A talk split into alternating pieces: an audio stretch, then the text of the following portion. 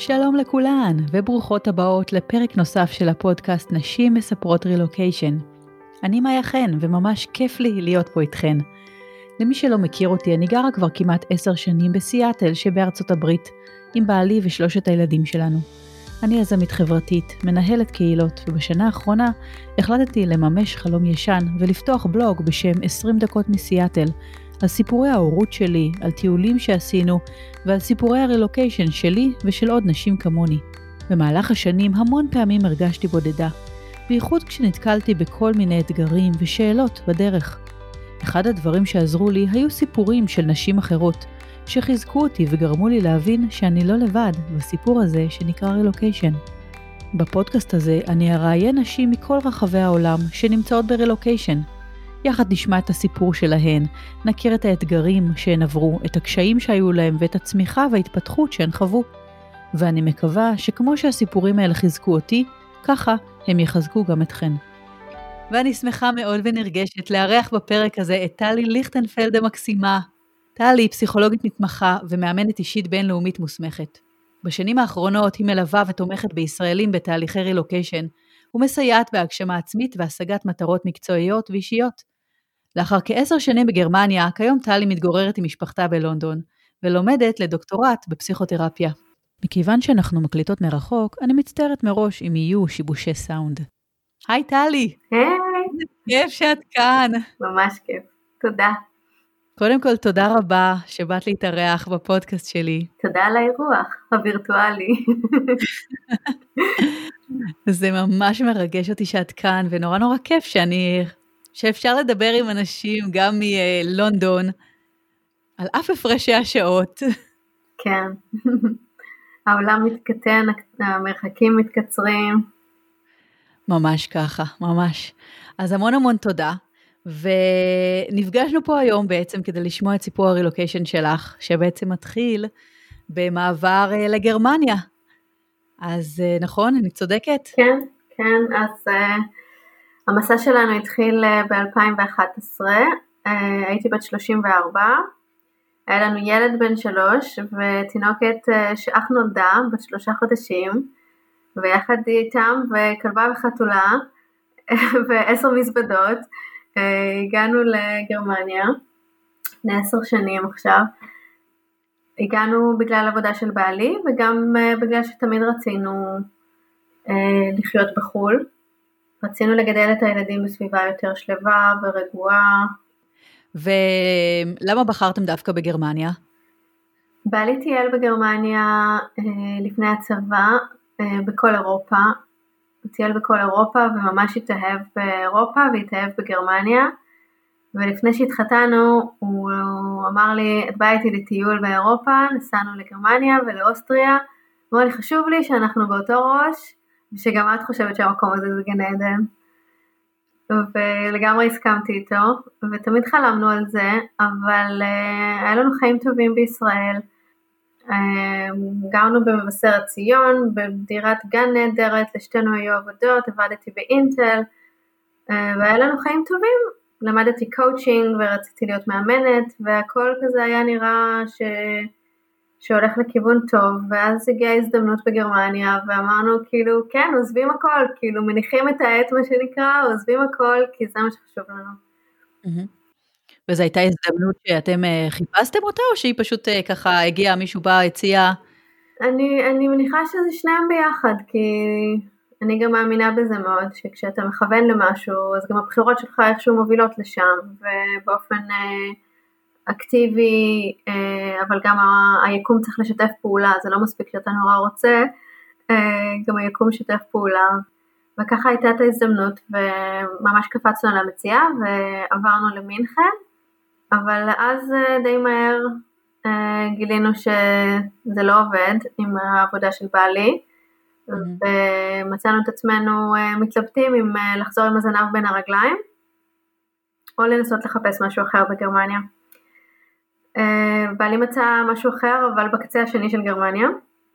וואו. ואז מצאתי את עצמי uh, עם uh, תינוקת וילד קטן, ממש צריכה לחיות לבד באזור זר ומנוכר בלי שפה ובלי להכיר אף אחד. אבל רציתי שהוא קודם יתחיל את העבודה החדשה ויעבוד שם כמה חודשים ויראה שזה עובד, לפני שאנחנו עוברים עוד פעם דירה. אז בעצם את גרת במקום אחד והוא היה על הקו כן. לעבודה במקום אחר. נסיעה של חמש-שש שעות. וואו. ממש ממש מאתגר. כן, ממש, תקופה ממש קשה.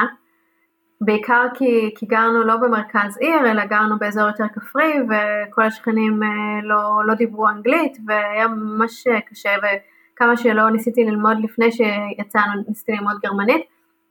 הגרמנית שלי לא הייתה מספיק טובה כמובן בשלב הזה בשביל לתקשר, ומאוד הרגשתי את הצורך בזה. בגן של הבן שלי היה מעט מאוד אנגלית אה, שיכלו לדבר איתי, אה, השכנים ידעו מעט מאוד אנגלית, אה, והרגשתי מאוד מבודדת, ואני חושבת שזו הייתה מוטיבציה מצוינת כן להשתלב וללמוד את השפה ולהצטיין בתקשורת עם אנשים, כי בוא נגיד באופן כללי גם אני בתור בן אדם תקשורת חשובה לי ואני מאוד אוהבת שפות ונהנית מללמוד שפות, אבל זה היה גם ממש עניין של הישרדות, אני הייתי חייבת כדי שאני אבין אה, מה הגננת אומרת לי אם הילד אכל, אה, אכל טוב והיה מאושר היום או בכה כל היום מאז שאני עזבתי ואז עד שהגעתי, אה, הייתי חייבת להבין את השפה.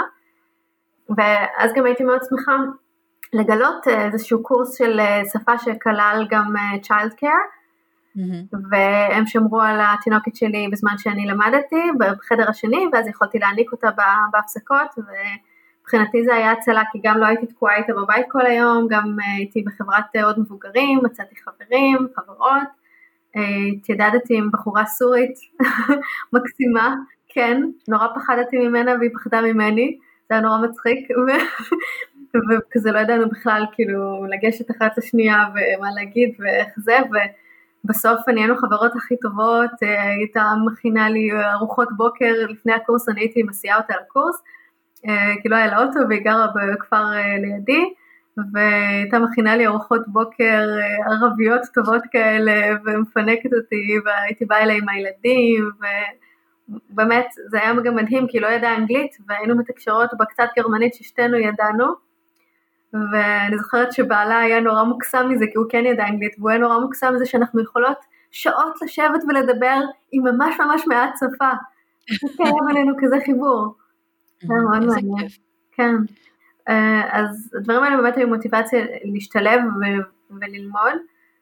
ו- ועד שהשתלבנו, גם אני וגם הבן שלי בגן, אז uh, היינו צריכים לעבור uh, עוד פעם, uh, באמת כמו שאמרתי, לעיר אחרת, עברנו לדיזנדורף. Mm-hmm. אמ, ושם אה, גיליתי כמה הבדלים גדולים יכולים להיות בין אזורים שונים בגרמניה. אתה חושב שזה מדינה אחת, אבל זו מדינה של 80 מיליון אה, אזרחים ו-80 מיליון תושבים. וזה הבדלי תרבויות בעצם והבדלי מנטליות בין חלקים שונים של המדינה, מאוד מעניין. מה לדוגמה? בואי תני לנו דוגמה ככה, כי אני לא מכירה בכלל את גרמניה. אז, אז קודם כל גם עלות המחיה, אה, משכורות ודברים כאלה מאוד שונים בחלקים שונים של גרמניה. אה, משכורת שתקבלי במזרח ברלין היא שונה לחלוטין ממשכורת שתקבלי במרכז מינכן. אה, יכול להיות כפליים, דברים כאלה. וואו. כן. עלות המחיה שונה, כלומר שכירויות ודברים כאלה, והמנטליות של האנשים מאוד שונה. דיזנדורף למשל שהיא עיר נמל, ותמיד אה, בהיסטוריה, תמיד הגיעו לשם אנשים מכל העולם, אה, היא בעצם התפתחה כעיר יותר קוסמופוליטית, יותר מערבית, יותר פתוחה לזרים. Mm-hmm. במינכן היא מאוד שמרנית, זה, זה, זה בדרום, זה מאוד דומה ל, לאזורים של הסקי נגיד באוסטריה, אתה רואה סוג של אנשים יותר כפריים, אולי פחות משכילים, מי שמחוץ לעיר הגדולה. והם פחות פתוחים לזרים כי הם פחות גם רואים זרים אני מניחה, או פחות בהיסטוריה גם נחשפו לזרים. אז המנטליות שלהם מאוד שמרנית ומאוד סגורה. ולי זה היה מאוד קשה, כי גם כשידעתי כבר גרמנית ונורא רציתי לדבר עם השכנים ולקשקש איתם, וכשהייתי לוקחת בשבילם חבילה והם באו לאסוף אותה, הם היו אומרים משפט באנגלית, לוקחים את החבילה ובורחים, ואני כבר עניתי להם בגרמנית ורציתי לדבר איתם ולעשות איתם שיחת חולין, והם כבר נעלמו. אמ, ואותי זה נורא אכזב לגלות שזה לא השפה בעצם, זה פשוט המנטליות שהם לא מעוניינים אה, להתחבר, וכמו שמישהי, אה, אחת האימהות מהגן של הבן שלי אמרה לי בזמנו, אה, שהיא באה מהאזור של דיזלדורף בעצם שעברנו אליו, היא אמרה לי שגם היא שבאה, שהיא גרמניה, אבל היא לא גדלה במינכן, או היא לא גדלה בבוואריה, היא גם כן לא, לא נחשבת לאחד מהם והם לא רוצים להתחבר איתה. אז וואו. המון סגירות, כן. ונורא קשה להגיע, אה, וזה לא היה בדיזלדורף, כשהגענו לדיזלדורף, אה, כאילו ביום הראשון שהגענו, שתי שכנות באו אליי, התחילו לדבר איתי באנגלית, ואיזה כיף שמישהו שאפשר להתאמן איתו על האנגלית שלנו, והיו כאלה לבביות ונחמדות שאני חשבתי שהגעתי למקום אחר. דבר נוסף שהוא הבדל מאוד גדול זה שבדיזנדורף מדברים מה שנקרא הוך דויטש, שזה גרמנית גבוהה, שזה הגרמנית הספרותית בוא נגיד, גרמנית רגילה, ובאזורים אחרים של גרמניה מדברים את, ה, את ההגה שלהם, את השפה שלהם, אז אה, כשאני למדתי גרמנית במינכן למדתי את הגרמנית הגבוהה, הגרמנית הרגילה, אבל זה עדיין לא אמר שאני יכולה לדבר עם אנשים ברחוב. זקנים שפנו אליי בסופר דיברו איתי בעגה המקומית שלא הבנתי מילה. זה נשמע לי כל כך מתסכל להגיע למדינה שאת לא, את לא יודעת את השפה, את לא מצליחה לקרוא את הכתוביות, מה שכתוב לך על ה... אה, את יודעת, על מוצרים בסופר, או, או באמת, הגננת רוצה לספר לך מה שלום הילד ואיך הוא היה, ואת לא יודעת להגיד ולתקשר. כן, זה ממש מתסכל, ו... בוא נגיד בתור מישהי שהיה לה תואר שני ועבדה באינטל ו- וראתה עולם וחשבה שהיא יכולה להשתלט על הכל, פתאום הרגשתי כמו ילדה קטנה ומפגרת שבכלל לא יודעת מה היא קנתה בסופר ולא יודעת איפה למצוא ואיך להגיד כשאת מחפשת מוצר מסוים. אני זוכרת שחיפשנו פעם פירורי לחם. עכשיו, גרמנים מכינים שניצל, כן? הם, יש להם פירורי לחם בסופר, for sure. אז, אבל לא ידענו איך להגיד את זה, ו- ולא הצלחנו למצוא את זה, והרגשנו שנינו כל כך מתוסכלים, שהתחלנו בסוף אה, לעשות להם פנטומימה, שניצל. בסוף היא עזרה לנו, אבל זה היה נורא מצחיק שאנחנו פתאום הרגשנו כמו ילדים קטנים, אה, וזה אני חושבת שנורא מייצג רילוקיישן באופן כללי, ש... אה, הרבה אנשים לוקחים כמובן מאליו כל מיני דברים כשהם נמצאים בארץ המוצא שלהם והם מגיעים אה, למקום חדש, אפילו כשזו שפה שהם מכירים, למשל גם עכשיו שאנחנו בלונדון וזה אנגלית ואני שולטת באנגלית, עדיין יש דברים שאנשים אומרים לי ואני כאילו, מה, מה אתה מתכוון, לא, מה, מה, מה זה אומר? Mm-hmm. כי, כי אנחנו לא מכירים את המנטליות, כי אנחנו לא מכירים את כל ה-inside out של כל דבר. אה, ופתאום אה, יש מין תחושה כזאת של ממבוגר אתה הופך לילד קטן, חסר אונים, שלא מבין מה קורה סביבו ולא יודע איך להשיג מה שהוא רוצה. את חשבת שככה זה יהיה? כשתיארת לעצמך ככה את המעבר לגרמניה, עלה לך בראש שיהיה קשיי שפה, שאת יודעת, שתהיה תחושה כזאת? ידעתי שיהיה קשה, גם ניסיתי מאוד ללמוד גרמנית לפני כן, כי ידעתי שזה, שזה חשוב. אבל זה לא משנה, אני שנה למדתי גרמנית ומה שלמדתי בשנה מלמדים בשני שיעורים הראשונים כשאתה שם. אמ, ואני זוכרת למדתי שנה שלמה ואז הגעתי לשיעור וצירפו אותי לקורס שכבר התחיל, כי, כי, כי קצת כן יכולתי לדבר, ואיזה שאלה אותי המורה איך שנכנסתי, שאלה אותי את השם שלי, הצלחתי לענות, ואז שאלה אותי אם אני נשואה, וזאת מילה שלא ידעתי והייתה צריכה להראות לי בפנטומימה. ואז חשבתי לעצמי, אפילו את השיחה הזאת היא מאוד ראשונית, אני לא יכולה לעשות, כי לא מספיק שנה שלמה של לימודי גרמנית כנראה בשביל אה, לנהל שיחה מאוד בסיסית אפילו. Mm-hmm. אז כן, זה מאוד מתסכל, ואני חושבת שגם כן מאוד הפתיע אותי עד כמה אנשים לא דיברו מחוץ למרכז מינכן, עד כמה אנשים לא מדברים אנגלית. זה מאוד mm-hmm. הפתיע אותי. באמת בגרמניה הם לא מדברים אנגלית? הם לא יודעים אנגלית?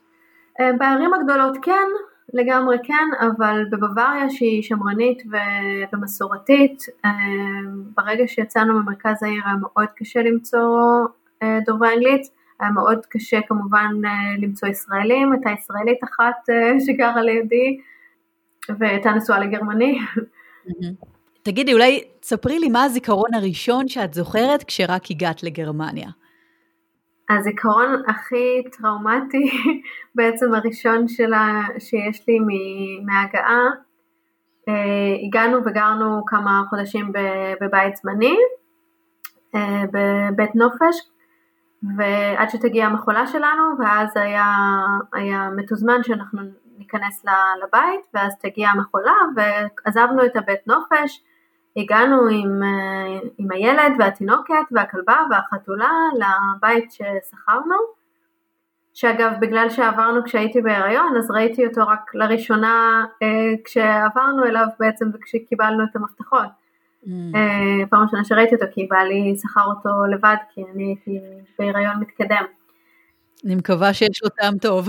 כן, היה בית מקסים מאוד אה, בווארי, בדיוק כמו שחלמנו עליו בכל החלומות שלנו כתיירים, עם אה, אח ועץ אה, דובדבנים בגינה ועץ תפוחים ובית מהחלומות, בית בווארי מהחלומות. נשמע ככה. ישן אבל מקסים. עזבנו את, ה, עזבנו את הבית נופש, עשינו צ'ק אאוט, לקחנו את הדברים, הגענו לבית, המכולה אמרו לנו שהם יגיעו בשעה מסוימת, אנחנו מחכים, מחכים, מחכים, לא מגיע. אני מתקשרת, בסדר, יחזרו אליי, מתקשרת עוד פעם, הם לא מגיעים. בסוף אה, לקראת אחר הצהריים, הבחור מהחברת שילוח מודה שהם לא יגיעו היום. אוי. ואין לנו לאן לחזור, כי כבר הבית נופש שעזבנו, אנחנו ידענו שמישהו כבר נכנס אליו אה, באותו יום mm. שאנחנו עוזבים.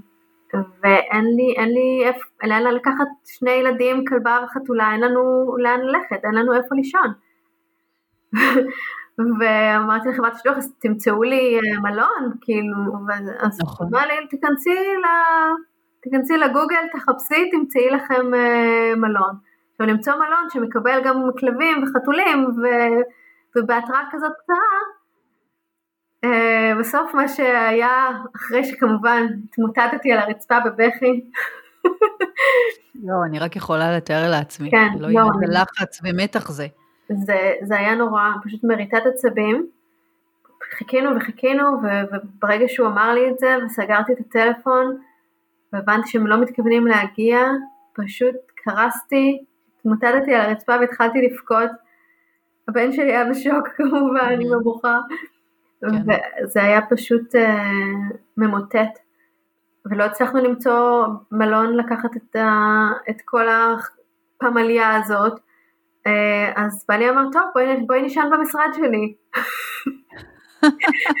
והיה שם uh, ספה, ובאמת היה לנו מזל, והקטנטונת ישנה בעגלה שלה, והכי מצחיק היה שאנחנו ככה לקראת, מתארגנים לשינה, ואיכשהו הסתדרנו, ו... ואז פתאום אנחנו אומרים, הבן שלי היה בן שלוש והיה משתמש בטיטולים בלילה, רק ללילה. Mm-hmm. והוא ישן שם על הספה, כאילו סתם סידרנו לו כזה על הספה עם איזה שמיכה. ואני אומרת, יואו, אין לי טיטול בשבילו. אוי אוי אוי.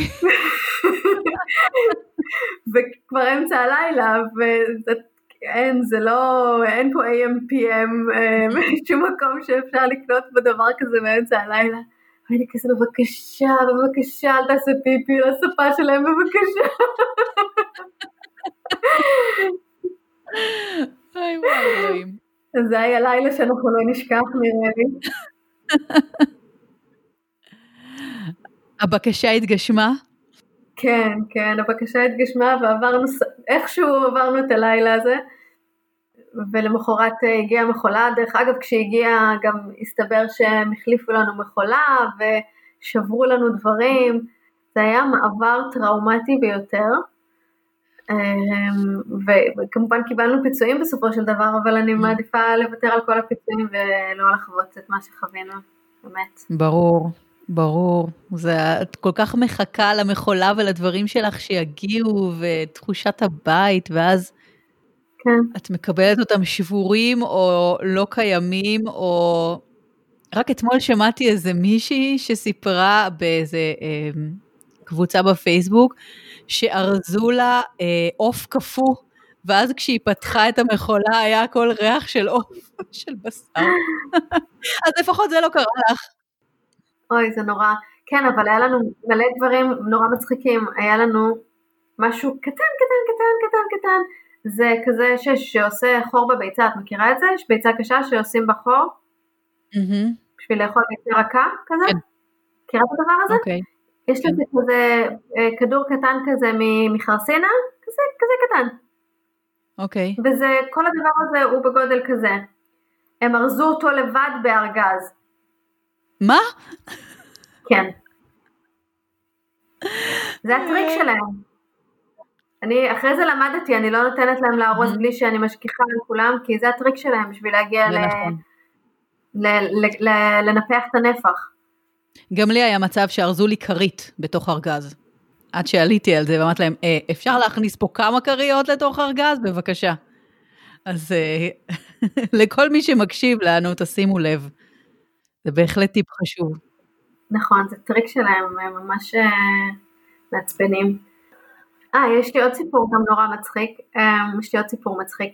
כשהגענו לגרמניה ונחתנו, ירדנו מהמטוס, וכנראה שנראינו לאנשים כמו קרקס, אה, הקרקס הנודד, כי היינו בעלים שתי עגלות של, של אה, מלאות במזוודות, כל יד עגלה עם חמש מזוודות בכל יד, ואני עם העגלה של התינוקת, התינוקת עליי במנסה, והכלוב של החתולה על העגלה במקום תינוקת, והבן שלי בן שלוש, כזה קטן, גורר את הכלוב של הכלבה. אני רק מדמיינת לעצמי את זה בראש. ואנשים פשוט עצרו והצביעו עלינו בשדה תעופה. טוב, אמרת שהם גם לא רגילים לזרים, אז זה בכלל אה, גם זרים וגם פה מגיעים עם בעלי חיים, גם מה קורה פה? כן. לפחות את יכולה לצחוק על זה היום. כן, לא, זה היה מאוד, אה, מאוד חמוד, ובעיקר היה שאיך כולן, איך הבן שלי ממש הבין שהוא צריך לעזור ויש לו משימה, והוא קיבל עליו את המשימה וגרר ארגז של כלב שבגודל שלו. חמוד שכזה. כן. טוב, תגידי, היה מישהו שעזר לכם, שהכרת כאילו פה, שהגעתם למקום חדש, שאתם לא מכירים? היה איזה מישהו חבר, מכר? אמ, האמת, סיפרתי לך על השכנים שהיו מאוד אה, מנותקים. אה, היה אבל שכן אחד שבניגוד לעצת אשתו זה היה נראה מקריאת שפת גוף, מאוד מאוד עזר לנו, ואני זוכרת שסיפרתי לך שהיה לנו אח עצים שבתיאוריה זה, זה נשמע כמו דבר מקסים, רק שאנחנו לא ידענו איך מדליקים את הדבר הזה ואיך מתפעלים את זה ואיפה קונים פה עצים ואיך. ו... הבית אה, בבוואריה היה מאוד ערוך לזה, יש חדר במרתף ש, שנועד בשביל העצים. Okay. אוקיי. חדר שלם, היום כשאני גרה בלונדון הצפופה זה נראה לי וואו איזה פינוק כשיש למישהו חדר שלם שאתה סתם מאחסן בו עצים. אה, אז הוא עזר לנו ואפילו הביא לנו עצים כשהוא הביא לעצמו, והיה באמת מקסים. אני אה, זוכרת שכשעזבנו הביא לנו דיסק של, ה, של העיר, אה, על העיר שגרנו עם כזה, כזה לתיירים, הוא נורא השתדל, וזה היה נורא מקסים בעיניי, כי, כי זה היה מאוד נדיר שם שמישהו באמת כזה משתדל. נכון. והבית ספר הזה שסיפרתי לך שמצאתי שהיה בו גם אה, מטפלת לליה, לקטנה שלי, אז זה גם היה מבחינתי כמו זכייה בלוטו, אני זוכרת שהרגשתי ממש בודדה ומנותקת, ומצאתי את הבית ספר הזה והלכתי לפגישה שם, והם אמרו לי כן את יכולה ויש לנו מטפלת בשביל הילדה וראיתי את הגן משחקים שם ו... ואת יכולה להיכנס לקורס אפילו שהוא כבר התחיל ופשוט הרגשתי שאמרו לי שזכיתי בלוטו, mm-hmm. לא פחות ולא יותר, אה, זה פשוט היה הצלה גם שיכולתי לצאת מהבית ו... וזה, והם היו גם מקסימים והיה להם בתוך הבית ספר משהו מאוד נדיר, הלוואי שהיה את זה בכל מקום. בתוך הבית ספר הייתה מגיעה עובדת סוציאלית אה, פעם בשבוע ועוזרת למהגרים למלא טפסים ולא אה, יודעת אם יש לי מכתב שהגיע בדואר מה, מהעירייה ואני לא יודעת מה זה אה, והיא עזרה לי ממש עם כל הטפסים שלה, הייתי בעצם בחופשת לידה אז mm-hmm. יכולתי לקבל חופשת לידה מהממשלה וכל הטפסים וכולי הייתה ממש מקסימה וזה ממש הציל אותי בתקופה הזאת. זה באמת נשמע רעיון מקסים. ממש רעיון, חבל שלא עושים את זה בכל מקום. נכון. כן. אז איך בעצם למדת? איך למדת אה, איפה לקנות, לאן ללכת, לאיזה גן ללכת, איזה קורס למצוא? את יודעת, איך? איך עשית את זה? וואי, היום, היום שאני חושבת על זה, אני חושבת וואו, כאילו איך בכלל עם המעט גרמנית שהיה לי, הצלחתי למצוא גן, אה, הצלחתי לדבר עם העירייה ולהגיד להם שאני צריכה גן בשביל הבן שלי, זה, זה היה ממש, אה, ממש בגרמנית שבורה ובמעט אנגלית שהם ידעו ובמעט גרמנית שאני ידעתי איכשהו להצליח להסתדר.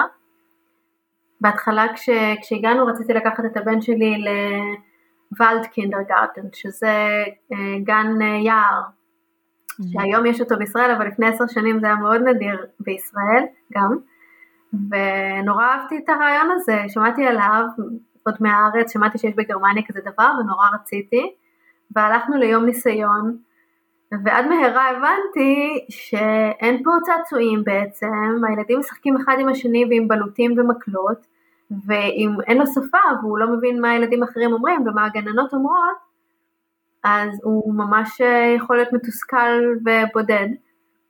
אמ, ודי מהר הבנתי שזה כנראה לא ההחלטה הנכונה בשבילו והלכנו לראות גן אחר שהיה במקום, היחיד שהיה במקום בשבילנו והמפגש עם הגננת היה ממש מקסים בעיניי כי יונתן דיבר איתה עברית והיא ענתה לו בגרמנית והם הבינו אחד את השני ושיחקו ביחד באיזה מנוף. וזה היה כל כך מקסים בעיניי לצפות מהצד, היא ממש הבינה מה הוא רצה בלי, שהוא, בלי שהוא, שהם ידברו באותה שפה והם שיחקו ביחד. ואמרתי אוקיי זה מתאים. גם היא מאוד uh, קשובה ומבינה אותו וסבלנית אליו וגם יש פה צעצועים ויש פה עוד דברים שיכולים להעסיק ילד בן שלוש גם אם הוא לא מצליח לתקשר עם הילדים האחרים. כן. האם זה העסיק אותך לפני? כי אני יודעת שאותי לפני שעברנו גם היו לי ילדים בערך בגיל שלך ומאוד העסיק אותי uh, השפה. זאת אומרת הקשיי השפה, אם הם הסתדרו, הם לא ידעו שום מילה באנגלית, איך הם, איך הם יסתדרו, איך הם יגידו שהם צריכים לשירותים, איך הם יגידו שהם רעבים. אה, זה מאוד מאוד הטריד אותי. וזה עוד בשפה שאני הכרתי, באנגלית. כן. אז מעניין אותך איך זה, איך, איך את הרגשת. אני, אני, אני מאוד הקשבתי לאינטואיציות שלי, והרגשתי נגיד בגן יער שזה לא מתאים. והרגשתי בגן הזה שאפילו שהם לא מבינים אותו והוא לא מבין אותם, שזה כן יסתדר. אה, לימדנו אותו כמה מילים, כאילו כן, לא ומים, אה, שהוא יוכל אה, להגן על עצמו מה שנקרא. הוא היה בסך הכל ילד מאוד עצמאי ומאוד מתוק וחייכני ומאושר והם נהנו ממנו גם לפני שהוא הצליח לתקשר איתם. ואני זוכרת שמישהי מה, מהקורס גרמנית שלי אמרה לי עד כריסמס הוא ידבר שוטף ואמרתי לה מה זה עד כריסמס? זה שלושה חודשים, כאילו אין מצב. היא אומרת לי, עד כריסמס הוא מדבר. ובאמת, בכריסמס הוא דיבר. ברור שלא סיפר סיפורים, כן. אבל הוא היה, בוא נגיד, בטוח בעצמו, ומסוגל לתקשר, ומסוגל להבין מה אומרים לו, מסוגל להבין הוראות, ומסוגל לענות גם בהתאם, שזה מדהים בעיניי. אני מסכימה, ילדים הם מאוד uh, סטגלנים. אני גם ראיתי את זה, שתוך כמה חודשים כבר uh, הבן שלי התחיל לשלוט בשפה, זה פשוט מהמם. כן, מישהי אמרה לי, ילדים זה כמו ספוג. בוא נגיד, זה מוריד הרבה סטרס מאיתנו ההורים, כשאנחנו רואים שהילדים שלנו מסתדרים, ואז זה שם את ה... נותן לנו עכשיו מקום להתמודד עם האתגרים שלנו. נכון, אני חושבת שזה גם מאוד, אה, מאוד מרגיע, ואם אנחנו חושבים שההורים הם, אה, הם דוגמה לילדים, לפעמים גם הילדים הם דוגמה להורים. וההורה יכול לראות איך הילד שלו לומד שפה, איך הילד שלו עושה, אה, מתחבר עם חברים חדשים, ויכול גם להגיד, רגע, זה יכול להיות גם כזה פשוט. נכון. נכון. יכול להיות שאני מסבך את זה יותר מדי, כאילו יכול להיות שזה באמת כזה פשוט. צודקת. תגידי, מעניין אותי, איך המשפחה שלך הגיבה כשסיפרת להם שאת עוברת עכשיו לגרמניה? אז אה, זהו, אז גרמניה זה בעצם מדינה מאוד אה, רגישה אצל ישראלים ואצל יהודים. אה, יש לי חברות שממש התעצבנו שאני עוברת לגרמניה, חברות שמרגישות שהשואה היא דבר או אישי או מאוד חשוב בזהות שלהם והרגישו שאני בוגדת במשהו שהוא נורא חשוב לעם היהודי, בזה שאני הולכת לגור במקום כזה. אבא שלי בהתחלה היה קצת לא מאושר, ואבא שלי הוא, הוא בן לניצולי שואה, ו, ומשהו כן uh, צ'יקמק לו קצת את הלב, שזו הבחירה שלנו, דווקא גרמניה, אני זוכרת שהוא אמר, אבל דווקא לגרמניה, mm-hmm. ואני לא ידעתי לתמלל את זה ממש אז, פשוט חשבתי שזה מקום מקסים, אבל uh, עם השנים הבנתי שהיה בזה משהו מבחינתי שהוא מאוד לנצח את ההיסטוריה, שהוא מאוד להוכיח שגירשו את סבא וסבתא שלי מפה, ואני חוזרת כי מותר לי. כי גם לי מותר בדיוק כמו לכולם ליהנות מכל הירוק הזה, ליהנות מכל היפה הזה, ליהנות מהשקט ומהשלווה. ואבא שלי גם שינה את דעתו די מהר, אה, והוא הסכים, הסכים איתי שהחינוך של הילדים הרבה יותר טוב, שהילדים גדלים רגועים ומאושרים, ו... ושעשינו את הבחירה הנכונה בשביל המשפחה שלנו, עשינו את הבחירה הנכונה. אני חושבת שבאמת גרמניה היא מדינה מאוד שנויה במחלוקת. כן, יש יש לי חברה שלא הסכימה לבוא לבקר אותי, והיא חברה מאוד מאוד טובה, שלא הסכימה לבוא לבקר אותי. עשר mm. שנים שגרנו בגרמניה. וואו. כן. היא אמרה לי, אנחנו יכולות להיפגש במקום אחר, בצרפת, ב... כן. בהולנד, אה, אבל אני לא, כף רגלי לא תדרוך, תדרוך בגרמניה. אני mm. מכבדת את זה, מבחינתי זה דווקא בדיוק ההפך. אה, אני חושבת שזה גאווה גדולה להיות, אה, שמותר לי לחיות איפה שאני רוצה, ויש לי דרכון רומני בזכות הסבים האלה, שמאפשר לי לחיות באירופה, ומאפשר לי לבחור איפה אני רוצה לחיות ואיפה אני רוצה לגדל את המשפחה שלי, ואף אחד לא יגרש אותי. אני מאוד מאוד מבינה את הגישה שלך. אני חושבת שזה גם היה מאוד מעניין כש... כשאתה מדבר עם הגרמנים, עם, עם הדורות הבאים כמובן, כל דור אה, בעצם מתייחס למלחמה בצורה קצת שונה. Mm-hmm. הדור שלנו, של בני ה-40, הרבה פעמים ניגשו אליי ואמרו לי סליחה. וואו. כן, okay. אוקיי. אה, סליחה בשם הסבים שלנו. ובעבודה כשעבדתי שם ראיתי גם דור אחר, ראיתי את הדור של בני ה-20 שאמר זה כבר ממש ancient history, זה לא מעניין אותנו, זה משהו שהיה בהיסטוריה, זה לא אשמתי וזה כבר נגמר ובאמת הרגישו הרבה יותר משוחררים מזה. אני הרגשתי שהדור שלי ממשיך לשאת את זה קצת על הגב, נורא מכביד אותה עליהם והם ממש אה, מרגישים אשמה. זה קרה לי כמה פעמים וזה הצחיק אותי בפעם הראשונה שזה קרה, שניגשה אליי מישהי ואמרה לי שהיא מצטערת, כנראה מצטערת בשם העם הגרמני, מצטערת אה, ורצתה לספר לי את הסיפור של סבא שלה וכולי, ואמרתי לה, זה את זה את ואת לא סבא שלך, ואני זו אני, אני לא סבתא שלי. וגם אם סבא שלה עשה משהו לסבתא שלי, אנחנו היום שני אנשים שיכולים להיפגש אה, כאן ועכשיו. וכשאת מדברת על, אה, על הצעירים שהם אומרים, טוב, אנחנו שמים את זה מאחורה, זה שמים את זה מאחורה, אבל אנחנו לומדים מזה, או זה שמים את זה מאחורה ואנחנו מתעלמים, מכחישים? אני חושבת שהדור הזה של הבני 20, לטוב ולרע, אה, כאילו אומר דף חלק, אין, אני לא אשם במה שההורים שלי, לא אשם במה שהסבים שלי, ובטוח לא אשם במה שהסבים של ההורים שלי עשו. אה, וזה לטוב ולרע, אני חושבת שזה דור כזה שאין לו דאגות, לא כל כך, אה, לא בקיאה בדור X, דור Y וכל זה, כן. לא יודעת איזה דור זה, אבל זה דור כזה שאין לו דאגות ו... הוא נורא משוחרר וזה לטוב ולרע, כי כן ראיתי איזה יופי, כי הם, הם ניגשים אליי יותר בקלות ואומרים, זה שהיא באה מישראל וזה שהיא יהודייה, זה פחות, אה, פחות מפריע לנו לא לכאן ולא לכאן. מצד שני, כמו שאת אומרת, יכול להיות שאם אנחנו לא זוכרים ואם אנחנו לא מרגישים רע על, על חטאי העבר, אז איך אנחנו נלמד מזה שזה לא יקרה לעתיד? זה, זה אנחנו לא... זה קשה לי לענות על השאלה הזאת. את כרגע אבל מרגישה בטוחה איפה שאת נמצאת? אה, הרגשתי, כאילו את שואלת על גרמניה, אה, כן הרגשתי בטוחה בגרמניה, לא, לא, אני אישית לא חוויתי אף פעם אנטישמיות, אני יודעת שיש סיפורים, אני ראיתי, חוויתי, אה, מצד שני לא חייתי חיים מאוד יהודיים, אז כיוון שאין לי קרניים ואין לי זנב, ואנשים לא יודעים שאני יהודיה, אנשים לא יודעים שאני יהודייה כשאני הולכת ברחוב, ואני והילדים שלי בלונדינים ונראים די גרמנים, אני מניחה שאולי זה קשור, אני לא, לא חושבת, אה, אבל אימא שלי ש... שבכלל לא נראית אה, גרמניה, גם אף פעם לא חוותה שום דבר כזה בגרמניה. אני חושבת שדווקא בגרמניה הם מאוד מאוד נזהרים. Mm-hmm. אני חושבת שיש איזה, איזה אקסטרה זהירות שלא להפלות ולא להגיד משהו ולא לעשות משהו נגד יהודים. אני דווקא הרגשתי שהם עוד יותר נזהרים מאשר אם הייתי חיה במדינה אחרת, באמת. אוקיי, okay, מעניין מאוד לשמוע. טוב, תודה על השיתוף של זה. Uh, בואי, רציתי לחזור רגע על החזרה לרילוקיישן ולדבר על זה שאת עכשיו הגעת לדיזלטורף והילדים שלך נכנסו למסגרות. ומה איתך עכשיו? מה קורה איתך? איפה את מוצאת את עצמך בתור מי שעבדה בישראל, בטח בפול טיים, ועכשיו נמצאת כאן וצריכה להתחיל uh, לחשוב לאן, מה הכיוון שלה, לאן היא רוצה ללכת?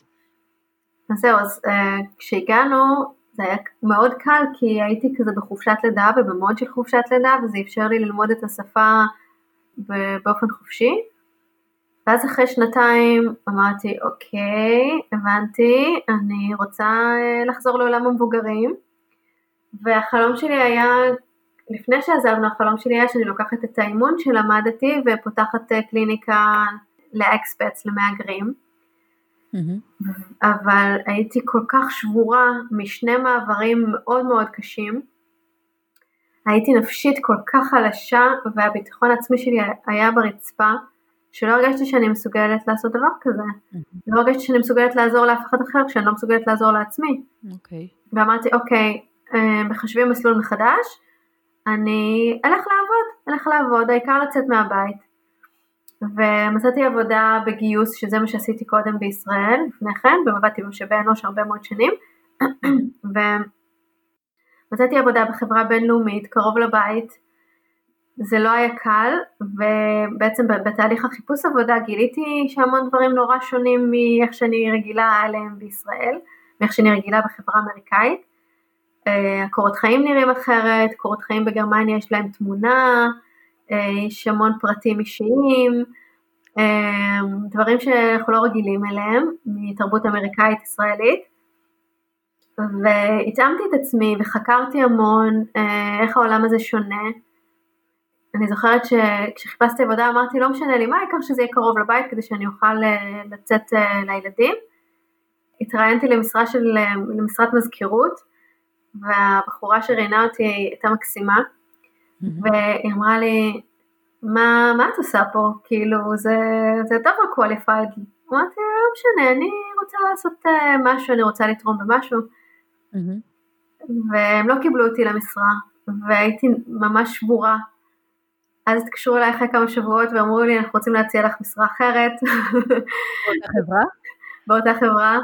וואו, איזה כן, יופי. הבחורה הזאת אמרה, התרשמתי ממך מאוד לטובה, אבל את מתאימה למשאבי אנוש, זה מה שעשית כל החיים שלך, את לא, את לא צריכה להיות מזכירה, והציעו לי משרה בגיוס, אה, שהייתה אמנם משרה זמנית, אבל החלפתי מישהי בחופשת לידה, ומבחינתי זה היה הצלה, כי קודם כל למדתי את כל העולם של החברות הגרמניות, זאת חברה בינלאומית בגרמניה, שהם היה מאוד מעניין להבין איך עובד הגיוס שם בצורה מאוד שונה ממקומות אחרים. ראיינתי אנשים מהבוקר עד הערב, קיבלתי ביטחון עצמי באנגלית, אה, שאני יכולה לשלוט בשפה הזאת ואני יכולה לעבוד בשפה הזאת. קיבלתי גם המון הערכה פתאום ממבוגרים, אחרי שנתיים שהייתי רק עם ילדים וחיתולים. קיבלתי שוב המון הערכה והביטחון העצמי שלי חזר.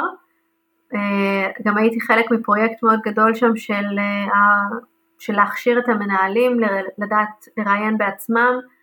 עמדתי מול אה, אולמות של 60 מנהלים בכירים ולימדתי אותם איך לראיין.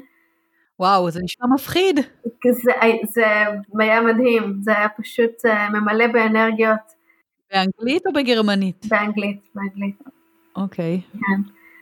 ושם דרך אגב אפילו שזו הייתה חברה בינלאומית שמחתי מאוד שאני יודעת גרמנית כי כל מחלקת משאבי אנוש מורכבת מגרמנים. Mm-hmm. הארגון עצמו אולי הוא מדבר אנגלית אבל במשאבי אנוש עובדים 99% גרמנים אז כל השיחות חולין מתנהלות בגרמנית וזה מאוד עוזר שלא הרגשתי אאוטסיידר וכן יכולתי לתקשר עם כולם. כן וזהו אז אחרי התקופה שעבדתי שם הרגשתי שוב ביטחון שאני יכולה לצאת לדרך משלי ואני ופתחתי קליניקה של, של אימון והתחלתי לעזור ל, לישראלים ולדוברי אנגלית באופן כללי והתחילו להגיע לקוחות גם מכל העולם, לקוחות ישראלים שעוברים לארצות הברית, לא יודעת איך הגיעו אליי אפילו, הפייסבוק כל כך מקצר את המרחקים האלה אתה קורא משהו שמישהו כתב בפייסבוק ואומר, אה, מתאים לי, וכיוון שאימון יכול להיעשות גם, ב, גם אונליין, ותמיד עשיתי אותו גם אונליין, גם face to face, אבל גם אונליין, תמיד. מאז שפתחתי היו לי לקוחות בכל העולם, הייתה לי לקוחה בתאילנד, אה, לקוחה בניו יורק, אה, לקוחה בישראל, כן, היו לי ממש לקוחות בכל העולם, ואני זוכרת שבאיזשהו שלב ספרתי את כל ה-nationalities של הלקוחות שאי פעם היו לי, והגעתי כזה לרשימה של דגלים, ואמרתי כאילו וואו, זה באמת, זה היה החלום שלי. מה הנושאים העיקריים שאנשים מגיעים אלייך לאימון בנושא רילוקיישן? אז אני חושבת שבהתחלה מאוד, אה, מאוד התמקדתי באימון קריירה, ומכיוון שבאתי מתחום של משאבי אנוש ומתחום הגיוס, היה לי גם עולם ידע בתחום הזה, ועזרתי להרבה ישראלים שרצו למצוא עבודה בגרמניה, עזרתי להם להבין מה הם צריכים לעשות. Mm-hmm. עשיתי אה, סדנאות בנושא הזה, הרבה, גם לישראלים וגם באנגלית, לזרים בכלל, ו... והגיעו אליי הרבה לקוחות בתחום הזה. אה, אבל לאט לאט גם הגיעו עוד לקוחות שהיו פשוט, פשוט במצוקה נפשית והיו צריכים תמיכה נפשית, אה, לקוחות עם, עם התקפי חרדה, עם דיכאונות, אה, דברים קצת יותר עמוקים, שהרגשתי שאין לי בעצם את הכלים לעזור להם עדיין בתור מאמנת, והתחלתי להיעזר בפסיכולוגיה, התחלתי ללכת ל supervision של פסיכולוגית שהכרתי, והתחלתי ללמוד את התחום הזה יותר ויותר כדי, כדי שיהיה לי יותר כלים לעזור לאנשים האלה כי אמ, בעצם הם באו אליי בגלל השפה ובגלל שלפעמים לאנשים יותר קל ללכת למאמן מאשר לפסיכולוג זה פחות אה, נשמע אה, יש לי בעיות אלא אני. צריך קצת תמיכה וזה, וזה גם גיליתי כמה זה מספק אה, לעזור למישהו ש, שמגיע במצב כזה שהוא לא רואה תקווה אה,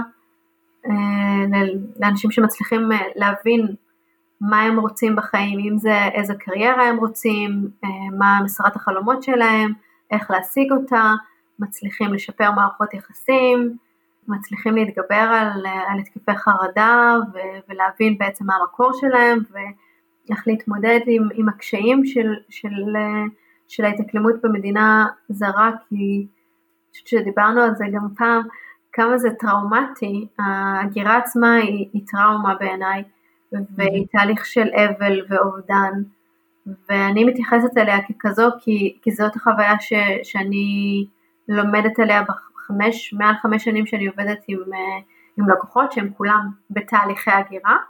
Mm-hmm. אני, אני רואה עד כמה זה מטלטל. כל אחד חווה משבר, באמת, אני לא חושבת שיש מישהו שלא חווה משבר אה, במעבר הזה, ולא מרגיש שהוא חייב לעשות איזשהו שינוי. היו לי הרבה לקוחות שהגיעו נגיד בשביל רילוקיישן בשביל חברה מסוימת ואיבדו את העבודה הזאת כי היו המון פערי ציפיות ו- והם התאכזבו מה- מהמשרה או פיטרו אותם כי התאכזבו מהם והם אומרים אבל אני לא רוצה לחזור עם הזנב בין הרגליים, אני רוצה למצוא עבודה בגרמניה. ניסו להבין מה שם בפערי התרבות אה, לא עבד וניסו להבין מה בעצם איזה עבודה הם יכולים לעשות עכשיו לפעמים זאת הזדמנות, אה, מה שאנשים קוראים להמציא את עצמך מחדש, אני זוכרת שהייתה לי לקוחה אמריקאית שהיא עורכת דין, אה, והיא התאהבה בגרמני והיא הגיעה לגרמניה, ובעצם אחרי שתי שיחות שלנו גילינו שהיא בכלל שונאת להיות עורכת דין. וואו. והנה זאת הזדמנות בעצם להמציא את עצמה מחדש או למצוא את עצמה מחדש כמו שמישהי כתבה בפייסבוק ומאוד אהבתי זה לא להמציא את עצמך מחדש זה למצוא את עצמך מחדש זה למצוא מי אתה בעצם ובגלל שנים של הרגלים ובגלל שלא הייתה לך הזדמנות לשנות, אתה פשוט נתקעת שם. אמ, ו- ולמצוא מה הדבר שמתאים לך היום לעשות. זה יכול להיות לא מה שתעשה בעוד עשר שנים, אבל זה יכול להיות לא מה שעשית לפני עשר שנים. נכון. אני קראתי את המאמר שכתבת על ההקבלה בין הרילוקיישן לתהליך אבל, ואני, האמת, מאוד מאוד התחברתי לזה, כי אני גם חושבת ש... באיזשהו מקום, זה איזשהו תהליך שאתה עובר, וגם אני כאילו כשהגעתי לפה, עברתי את השלבים האלה. אני חושבת שאחד מהקשיים העיקריים שקיימים הם שאין לנו הרבה פעמים את הלגיטימציה לזה, כי אומרים לנו, אתם בחרתם, אתם הלכתם, אתם בחרתם לעזוב, מי אמר לכם? תישארו. אבל זה שאני בחרתי לעשות משהו מסוים, זה לא אומר שזה לא קשה, זה לא אומר שלא מאתגר, זה לא אומר שאין לי לגיטימציה עכשיו לחוות את כל התחושות שאני חווה. נכון, ונגעת פה בנקודה מאוד חשובה, נגעת פה בנקודה מאוד חשובה, כי הרבה פעמים יש תחושה של חוסר לגיטימציה להתלונן שקשה. Mm-hmm. זה קורה הרבה גם בין זוגות, אני עובדת הרבה עם זוגות, אני מאמנת זוגית גם, וזה הרבה פעמים קורה בין זוגות שבן הזוג ש... שעברו בשבילו, שהמשרה שלו היא משרת הרילוקיישן שהייתה הסיבה למעבר, הוא מרגיש שאין לו לגיטימציה להתלונן על זה שקשה לו בעבודה החדשה. וזה. מאוד קשה להגיע למדינה חדשה, לעבוד בחברה חדשה, שזו שפה אחרת, שזו התנהלות אחרת ותרבות אחרת, ותוך כדי גם עוברים, עוברים אה, מדינה והמשפחה מנסה להסתגל ולהתאקלם, אז זה קשה. והוא מרגיש שאין לו לגיטימציה, אני אשתמש בהוא והיא, בגלל שזה מה כן. שקורה הרבה. למרות שזה לא מחייב. לא, לא מחייב. דרך אגב, היו לי המון המון המון אה, לקוחות גברים שהגיעו בעקבות אה, נשים, כן? Mm-hmm. ולמשל, אם, אם אנחנו לוקחים את הדוגמה שמשפחה הגיעה בעקבות עבודה של הבעל, והוא מרגיש שאין לו לגיטימציה להתלונן, והיא מרגישה שאין לה לגיטימציה להתלונן כי הוא זה שעובד והיא בסך הכל בבית כל היום עם הילדים, על מה היא תתלונן? על זה שהיא הייתה כל היום בבית עם הילדים ולא עשתה כלום, היא תתלונן על זה, אין לה, אין לה זכות להתלונן על זה, שתגיד תודה, שתגיד תודה שיש לה הזדמנות להכיר מדינה חדשה ולהסתובב ולטייל והוא צריך להיות תקוע במשרד כל היום, mm-hmm. אז היא לא מספרת לו כמה קשה לה והוא לא מספר לה כמה קשה לו ולשניהם אין לגיטימציה גם להתקשר הביתה להורים שלהם ולהגיד תקשיבו חרא לי, באמת, תקשיבו ממש ממש קשה פה, אין להם לגיטימציה כי הם יגידו להם כמו שאת אומרת אתם בחרתם בזה ואיזה יופי אתם גרים בארצות הברית, לונדון, גרמניה, איזה כיף לכם, תגידו תודה ומה שנקרא תסתמו את הפה. אמ, וגם הרבה פעמים אתה לא רוצה להדאיג, הם נמצאים רחוק, הם לא יכולים לעזור, אז מה תדאיג אותם עכשיו? למה? מה הם יכולים לעשות? נכון, זה בדיוק התחושות האלה. אז מה את אומרת לזוגות האלה? יש לך איזשהו עצה איך אפשר אה, ככה כן לעזור להם אם הם מרגישים ככה? כן, אני חושבת שאני רואה את התפקיד שלי בתור אה, מטפלת סלש מאמנת כפנס. אני מאירה את האור. אני אומרת להם למשל את מה שאמרתי לך עכשיו, שבעצם כל אחד מגביר את הבדידות שלו ואת הניתוק שלו בזה שהוא חושב שאין לגיטימציה לצער שלו ולכאב שלו ולהתלונן. בדרך כלל זה נורא מפתיע אותם לחשוב, כן, רגע, שנייה, יכול להיות שגם לא קשה בעצם. יכול להיות שהיא באמת נורא סובלת פה, ושאני, למה אני בעצם לא באה וחולק איתה את הקושי שלי? כי, נכון. ובדרך כלל הוא, הוא יגיד, כי, כי אני מפחד שאם אני אגיד לה שרע לי בעבודה חדשה, היא תגיד לי, אז למה באנו לפה? באנו לפה בשבילך, אתה התעקשת לבוא לפה, עשינו את זה בשבילך ואתה לא נהנה, הוא מפחד שהיא תגיד לו את זה. כן. ו- ומה שקורה זה שכל אחד מתחפר בעמדה שלו, כל אחד נשאר לבד עם, ה- עם כל הרעל הזה ועם כל הבדידות הזאת ועם כל הכאב הזה, וזה מרחיק ביניהם עוד ועוד. אז בעצם תקשורת, אני חושבת שאחד מהפתרונות זה תקשורת ולדבר. לפחות אני ובעלי כשעברנו, הבטחנו אחד לשני שתמיד נדבר, שתמיד נגיד מה אנחנו מרגישים ולא נשאיר את זה בבטן. ובכלל בחיים לדעתי תקשורת אה, פתוחה זה משהו מאוד מאוד חשוב, אבל בטח אה, כשעוברים למדינה. נכון, ומשהו שנורא מפתיע אנשים אה, זה זה שאני מתלוננת, זה לא אומר שאתה צריך לתקן את זה. נכון.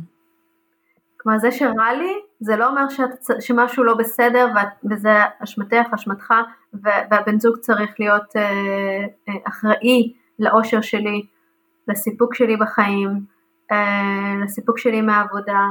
זה קורה להמון זוגות שהם, שהם מרגישים המון אחריות אחד על השני, mm-hmm. ואני חושבת ש-99% מהזוגות שאני עובדת איתם שהם אה, או זוגות מעורבים או זוגות שהם ברילוקיישן, אה, יש פערי אה, כוחות שנוצרו בגלל המעבר. Mm-hmm.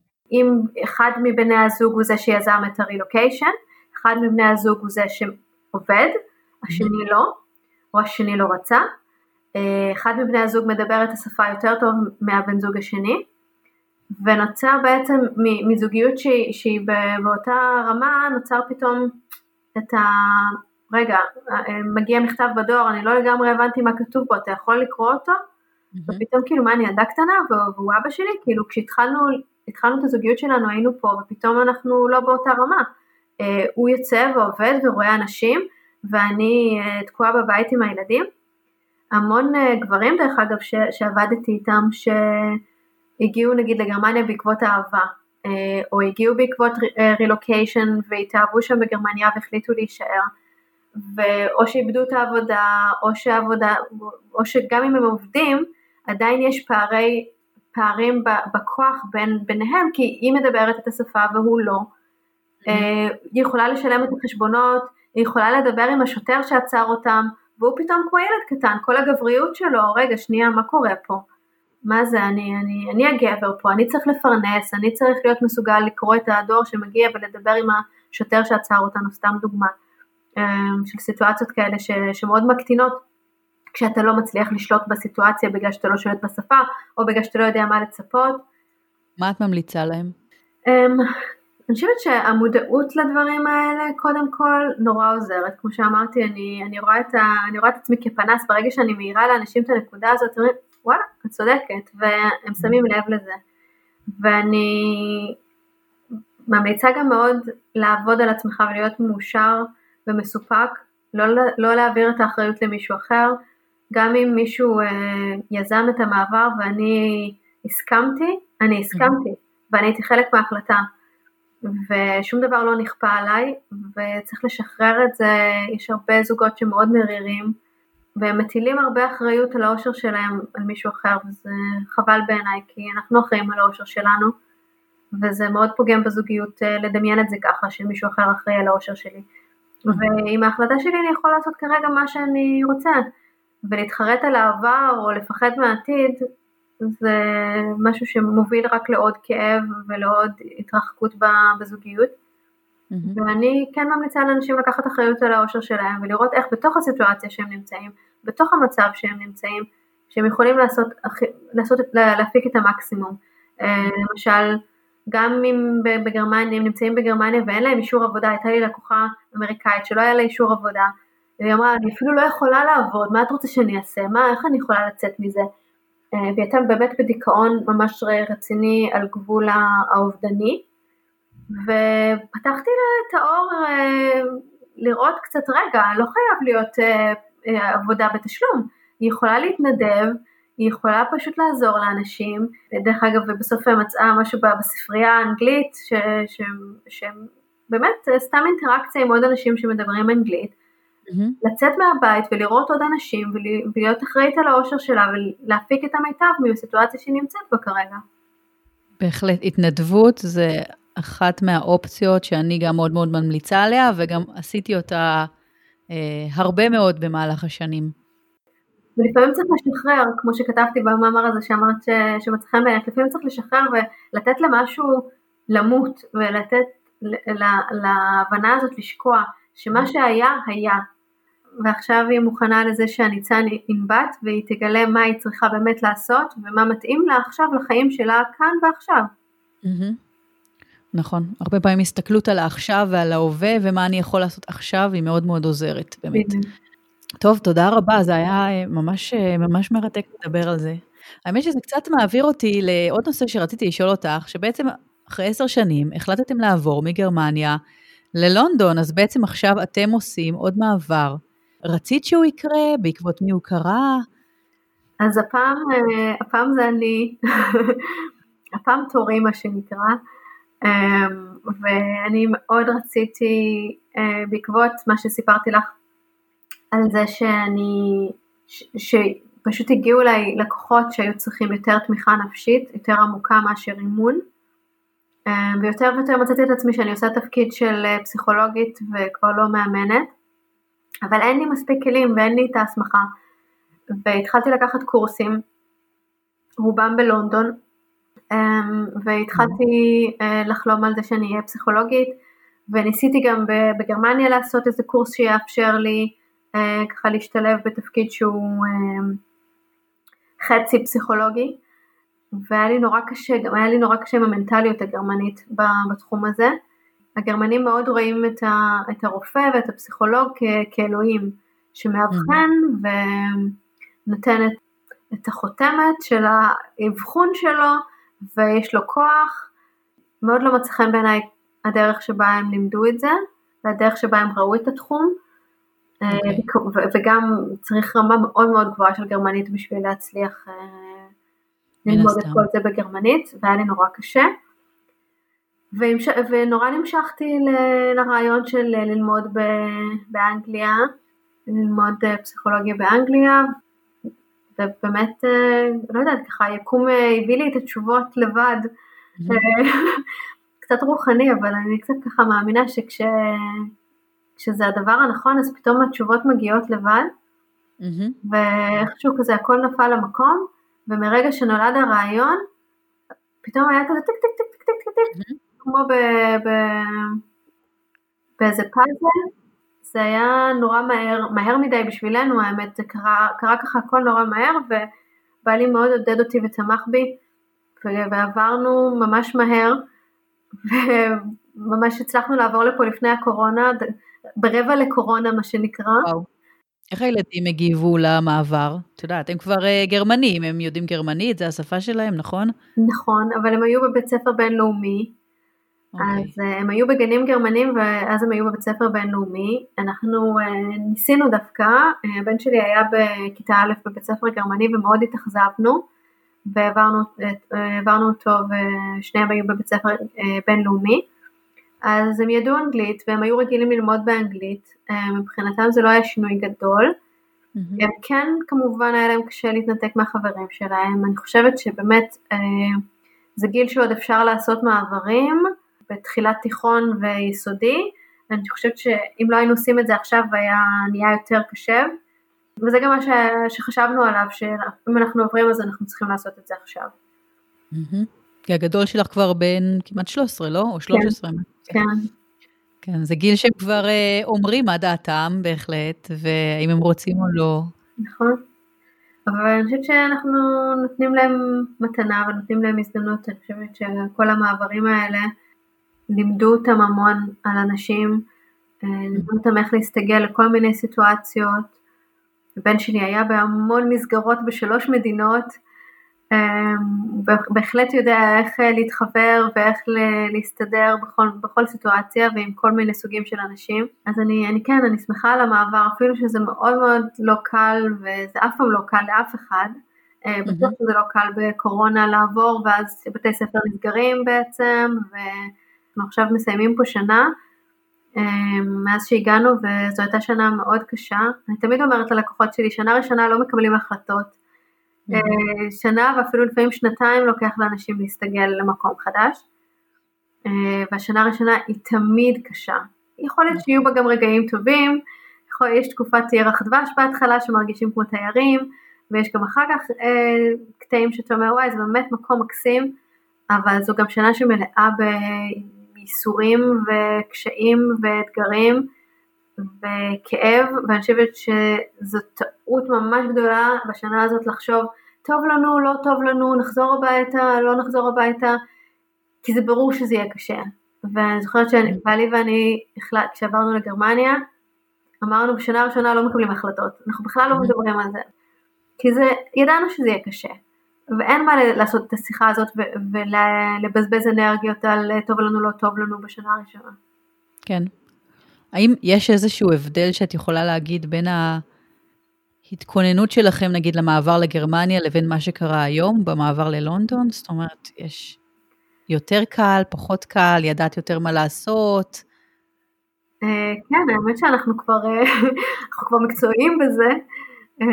המעבר הזה היה ממש כאלה קלות. גם היה עם חברה בריטית, והוא באמת היה, היה לנו מזל, תשמעי, עם מעברים זה תמיד עניין של מזל, ואם החברה היא באמת אמינה, כי את נותנת לחברה לארוז בשבילך ולעשות את כל השילוח, וזה אף פעם לא קל וזה תמיד מאוד מאוד מלחיץ. אה, במיוחד במקרה שלנו שמעורבים פה ילדים ומעורב, ויש לנו חיות וצריך, זה, זה פשוט מפעל לוגיסטי, מבצע לוגיסטי, mm-hmm. מבצע צבאי לוגיסטי, באמת, אה, מי עובר מתי ואיך וזה, נסענו והחתולות היו שם ועכשיו אנחנו במעבורת עם הכלבה ואחר כך בטיסה עם הזה ובאמת אה, זה היה מבצע לוגיסטי, לא מומלץ לבעלי לב חלש מה שנקרא. אבל הרגשת שיותר קל לך כרגע, כי כבר עשית איזשהו מעבר אחד. כן, היה בהחלט הרבה יותר קל. אנחנו גם, אה, אני חושבת שכן, שעם הזמן אתה נהיה יותר אה, מאורגן, אתה יודע איזה תקלות יכולות להיות ולצפות אותן. למשל, אף פעם לא להגיע למצב כמו שאנחנו הגענו בגרמניה, שאתה עוזב את המלון אה, בדקה ה-90 ואין פה חפיפה. כן. זה אנחנו משהו שנגיד אנחנו לא נעשה עוד פעם בחיים. קודם כל נראה שהמחולה מגיעה, שהרהיטים מגיעים, תמיד יש לנו פלן בי, תמיד אנחנו מגובים, אה, אנחנו לא נגיע עוד פעם למצב הזה ש, שבאמת נשארנו ככה בלי כלום. וואו. אה, טוב, אני מאחלת לך המון המון בהצלחה פה בלונדון. תודה. טוב, אז, אז טלי, אנחנו ככה אה, הגענו לפינת השאלה הזהה, שפה אני שואלת אותך שאלות של ישראלים, בדרך כלל שחיים בישראל שואלים אנשים שחיים ברילוקיישן, ומעניין אותי מה התגובות שלך. אז השאלה הראשונה היא מתי אתם חוזרים? אני זוכרת שכשאבא שלי שאל אותי את זה לפני כמה שנים, אמרתי לו, חוזרים? חס וחלילה, למה? מה קרה? ו- ומאז כמובן שכולם צחקו והפסיקו לשאול את זה. אוקיי, okay. נשמע טוב, רעיון, רעיון יפה. אוקיי, okay, אז השאלה הבאה היא, מה את עושה שם כל היום? שאלו אותך את זה פעם? Uh, כן, שאלו אותי את זה בהתחלה באמת כשלא עבדתי, ואני חושבת שגם כשלא עובדים זה פול טיים ג'וב להסתגל למדינה חדשה ולעזור לילדים שלך להסתגל, וזה בכלל לא מובן מאליו. ואיכשהו אנשים מהארץ אה, נורא מקנאים באנשים שברילוקיישן וחושבים שהחיים שלהם קלים וכיפים וזה, הם חושבים שזה פשוט כמו להיות תייר רק לזמן ארוך. וזה לא, זה לא להיות תייר, זה ממש שונה. טוב, השאלה האחרונה היא, אה, את לא מתגעגעת למשפחה שלך? כן, אני מאוד מתגעגעת, אני מאוד מתגעגעת, אה, לכולנו מאוד קשה, האמת שתמיד אה, גם בעיקר ההורים שלי היו מגיעים המון, וממש קשה שלא ראינו אותם שנה. Mm-hmm. אה, לשמחתי הם באו לעזור לנו עם המעבר וראינו אותם אה, לפני שנה. אבל מאז לא, ולא ראיתי את המשפחה שלי, את האחיות שלי ואת כולם, לא ראיתי אותם הרבה זמן. זה נורא מצחיק, כי כולם שמעו שאנחנו עוברים ללונדון, אז כולם כבר אה, שלחו לי תאריכים, אנחנו מגיעים, אנחנו מגיעים, גם חברות בגרמניה וגם המשפחה, וחשבנו שאנחנו ננהל בית הערכה, אצטרך לפתוח יומן עם תאריכים מי בא מתי, ובום נפלה עלינו הקורונה, ואנחנו יושבים עם חדר אורחים אה, ריק ב- בלונדון. אה, אז מאוד מבאס, אבל אני מאמינה שכשזה ייגמר אז הגעגועים יהיו פחות. גם אני חושבת שיש משהו שהוא קצת מתנה בזה שאנחנו נמצאים רחוק, כי כשההורים שלי מגיעים למשל, אז הילדים שלי מקבלים סבא וסבתא 100% רק שלהם, במשך השבוע שבועיים שהם באים אלינו, הם כל הזמן רק איתם, הם באים להעיר אותם במיטה בבוקר, והם כל היום איתם, וזה משהו שבאמת לא היה להם. אם הם היו חיים בישראל לצד ה... בני דודים האחרים שלהם, הם היו מקבלים את סבא וסבתא, כן, אבל לא ככה. אז אני חושבת. שאולי הם רואים אותם פחות, אבל כשאנחנו כן נפגשים זה מאוד אינטנסיבי, זה לחיות ביחד וזה מאוד uh, קרוב, ואנחנו בעצם הילדים שלי גדלו, הבת שלי גדלה 100% כל חייה מחוץ לישראל, והיא מאוד קשורה לסבא וסבתא שלה משני הצדדים, ובקשר עם הבנות דודות שלה, אמ, אני בהחלט חושבת שזה אפשרי וזה אפשרי גם לייצר קשר חם וטוב וקרוב גם כשנמצאים גיאוגרפית רחוק. אמ, אני שמחה לשמוע, איזה כיף. אני שמחה לשמוע את זה גם בשביל הסבא וסבתא. טוב, אז uh, אנחנו פה ממש uh, בסוף, יש לי עוד מלא מלא דברים לדבר איתך, אבל אנחנו uh, חייבות להת, להתכנס לסיום. אז השאלה האחרונה שאני רוצה לשאול אותך היא, איזה מסר היית רוצה להעביר לאישה שעכשיו אה, אה, בתחילת הרילוקיישן או חושבת על הרילוקיישן, יש משהו שהיית רוצה להגיד לה? אני חושבת שהמסר החשוב הוא לשחרר, לשחרר את הציפיות ולשחרר את מי שהייתי ואת מה שהייתי קודם ולאפשר למשהו חדש להיוולד.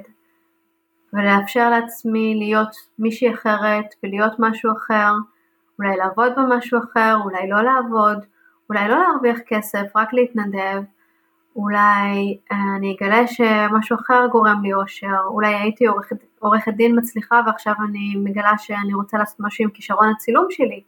Mm-hmm.